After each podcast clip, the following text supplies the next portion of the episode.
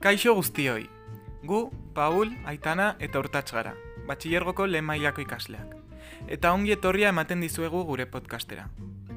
Gaur, iritzi eta ideia asko sortzen dituen gai bati buruz hitz egingo dugu. Desobedientzia zibilari buruz zain zuzen ere. Oso gai zabala da eta luzaroan eitz egin genezake. Baina gaurko egunean, desobedientzia zibilaren bi kasu oso ezagun eta garrantzitsu aztertuko ditugu.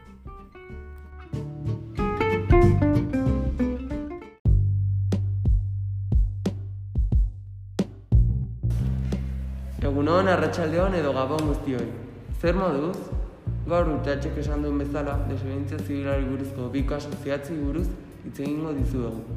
Baina gaian sakon gizartu baino ere, badakizu egia da zer den desobedientzia zibila? Bai, noski, desobedientzia zibila indarkeriarik gabeko ekintza publiko kontzientea eta politikoa, legearen aurkakoa, normalean legean edo gobernu programetan aldaketa eragiteko egiten denean esaten zaio, ezta? Hori da, eta orain, behin oinarrizko kontzeptua ulertu da, zuen buruari behin eta berriz galdetzen arituko zarete.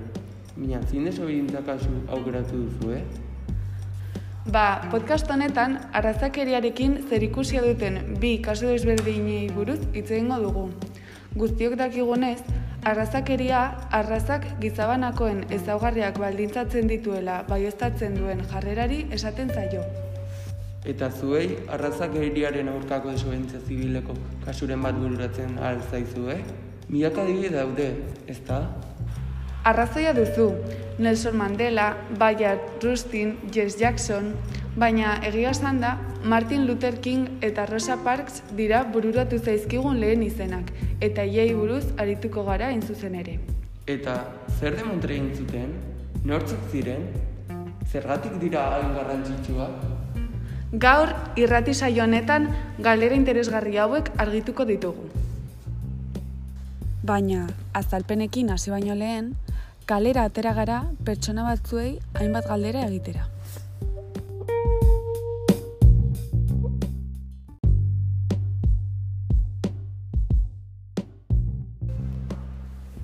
Kaixo, Txomi, galdera batzuk egin aldizkizu?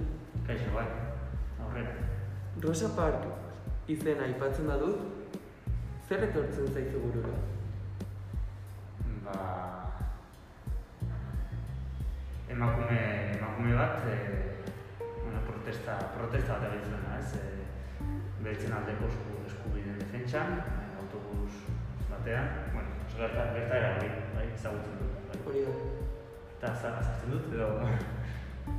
bai, ba, bera, e, uko gizion, e, bere e, eserlekutik altxatzeari, ez, e, berez esleitua zeuden ez, zu, zurien personei, eta berak uko gizion e, altxatzeari, eta eta modu horretan, ba, berak defendatu zuen, ba, eskubideak, bertzen eskubideak estatu batuetan, eta segregazioarekin ez e, amaitzea aldarrikatzen zuen. Eta bai, honi buruz, zer, zer iruditzen zaizu? Nik uste oso ekintza esanguratsua izan zela eta eta gero eman zion bide ba beltzen eskubideen aldeko mugimendua indartzeari eta eta garrantzi garrantzi handiko ekintza eh, konsideratzen konsideratzen. Ongi. Eskerrik asko, Txomi. Eskerrik asko. Ya está. Bai, bai, bai. Ya está. Bai.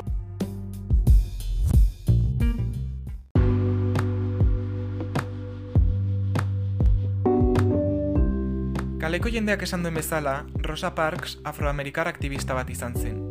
Bere senarrarekin batera, banaketak estatu batuetan garrantzi handia zuen garai batean bizi izan zen. Horren ondorioz, pertsonak arrazaren arabera berizten ziren, eta batez ere, koloretako pertsonekiko banaketak ziren nabariak. Izan ere, berizketak ez ziren sozialak bakarrik, legeek bermatzen zituzten. Estatu batuetako eskubide zibilen aldeko mugimenduko kide garrantzitsua bezala ere ezaguna da. Bereziki, mila bederatzireun da berrogeita bosteko abenduan egindako ekintzaren gatik. Urte horretan, Rosak autobus publiko hartu zuen etxera itzultzeko. Baina garai hartan, ibilgailuak lerro batekin seinaleztatuta zeuden.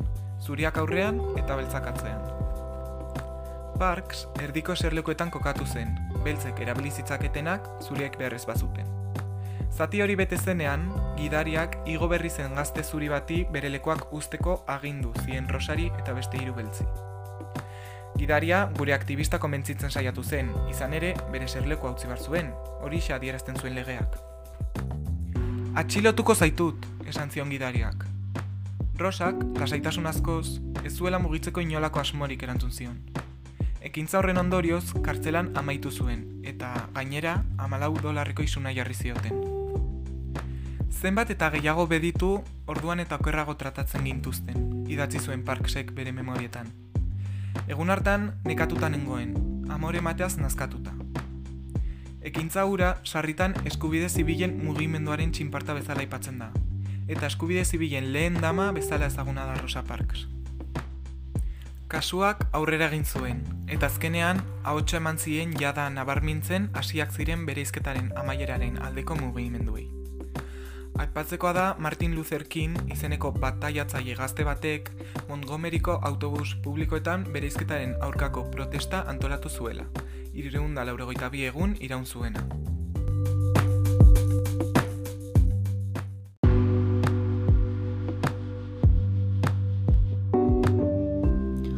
Orain beste pertsona bati buruz hitz egingo dugu eta aurretik egin dugun bezala, azalpenak eman baino lehen kalera aterako gara.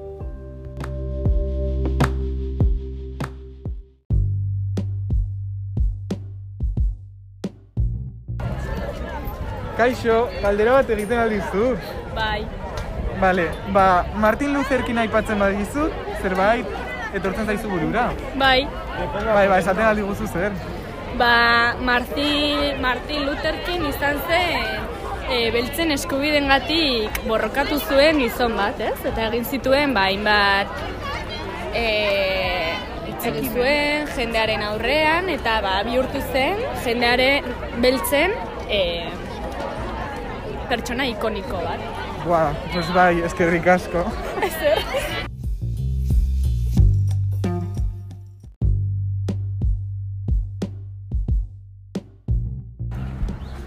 Kaixo, galdera bat egin diezazuke?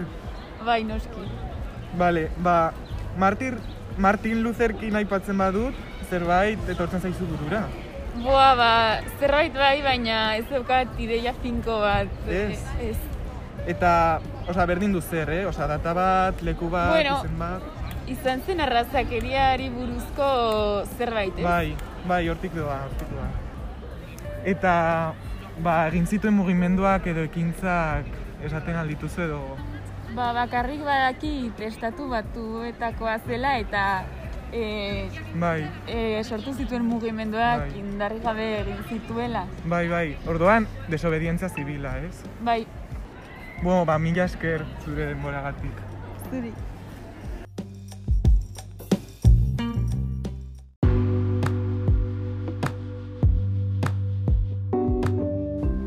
Kaleko jendeak esan duen bezala, Martin Luther King mila bederatzireun eta hogeita bederatziko urtarriak amabostan Atlantan jaioa, estatu batuetako ministro kristaua eta aktivista izan zen. King mundu osotik ezaguna da, eskubide zibilak indarkeriarik gabe eta desobedientza zibilaren bidez aurrera ateratzen saiatu zelako. Gizon hau, arraza segregazioa nabarmentzen zen giroan hasi egin zen. Koloreko pertsonen aurrerapenerako elkarte nazionalaren batzorde exekutiboko kide ere izan zen. Mila bederatzireun eta berrogeita mabostean, Rosa Parksen atxiloketaren ondorioz, bere hiriak pairatzen zuen arraza bereizketaren aurkako protesta ez bortitz bat astea erabaki zuen. Ura berdintasunezko gizarte justuago bat eraikitzea zuen helburu. Martin mundu osoko historian arrasto handia utzi du. Maik esan duen bezala, arrazekeriaren aurka jo zuen ikono nagusian bihurtu da. Hona hemen, ark mila bederatzireon eta irurogeita irugarren urtean, Washingtonko martxan bota zuen hitzaldi famatu eta unkigarriaren zati bat.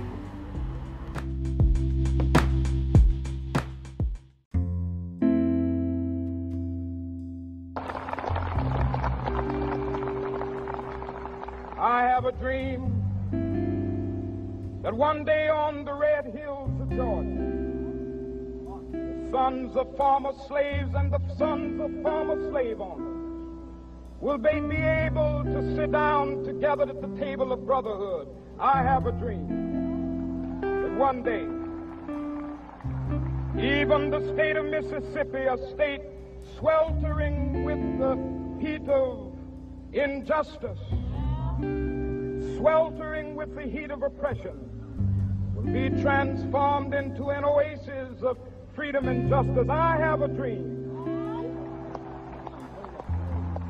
my four little children will one day live in a nation where they will not be judged by the color of their skin, but by the content of their character. I have a dream today.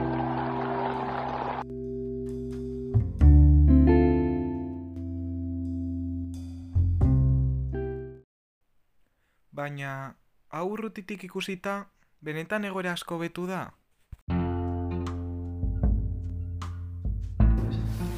Arrazakeria behin baino gehiagotan gure egunerokoan agertzen bada, zerbait gaizki egiten ari gara, ez da? Galdera honen erantzuna aurkitzeko, gure buruetara etorri zaigun adibidez zinobea, aurten estatu batuetan gertatuen mugimendua izan da. Badakizuen nori edo zeri buruz ari garen, ezta? Bai, George Floyd izeneko gizonaren kasuari buruz. Floyd polizia zuri baten eskuetan hil zen. Izan ere, belauna bere lepoaren gainean jarriz ito zuen. Bere eriotzak, aserre bolada bat eta arrazakeriaren aurkako protestak piztu zituen estatu batuetan eta munduko hainbat lekutan. Black Lives Matter mugimendua sortuz. Protestak gora bera, kasu honek erakusten du arrazakeri ez dagoela jende asko uste duen bezain murriztu. Testu inguruan jarriz, egia da garaiarekin konparatuz gero arrazakeria nabarmen gutxitzen ari dela. Hala ere, pertsona bat horregatik hil izana, besterik gabe, zein atzeratua gauden eta egiteko dugun lan handia erakusten digu.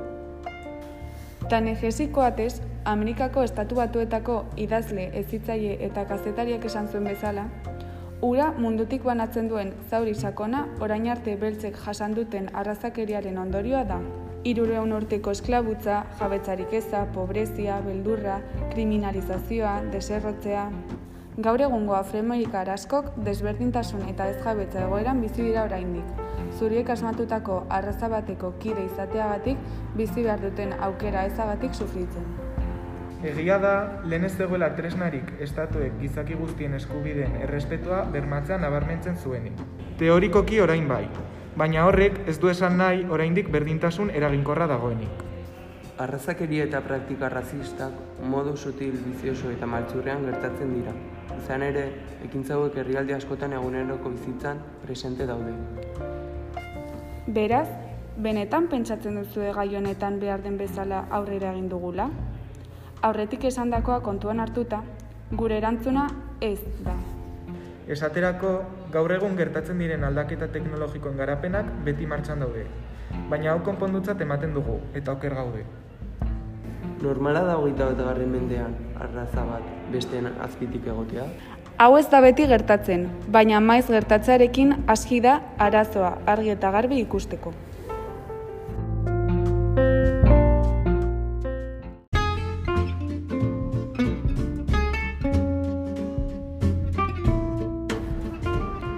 Bueno, hau guztia esan da, mila esker gure ahotsak entzuteagatik eta espero dugu gustoko izana.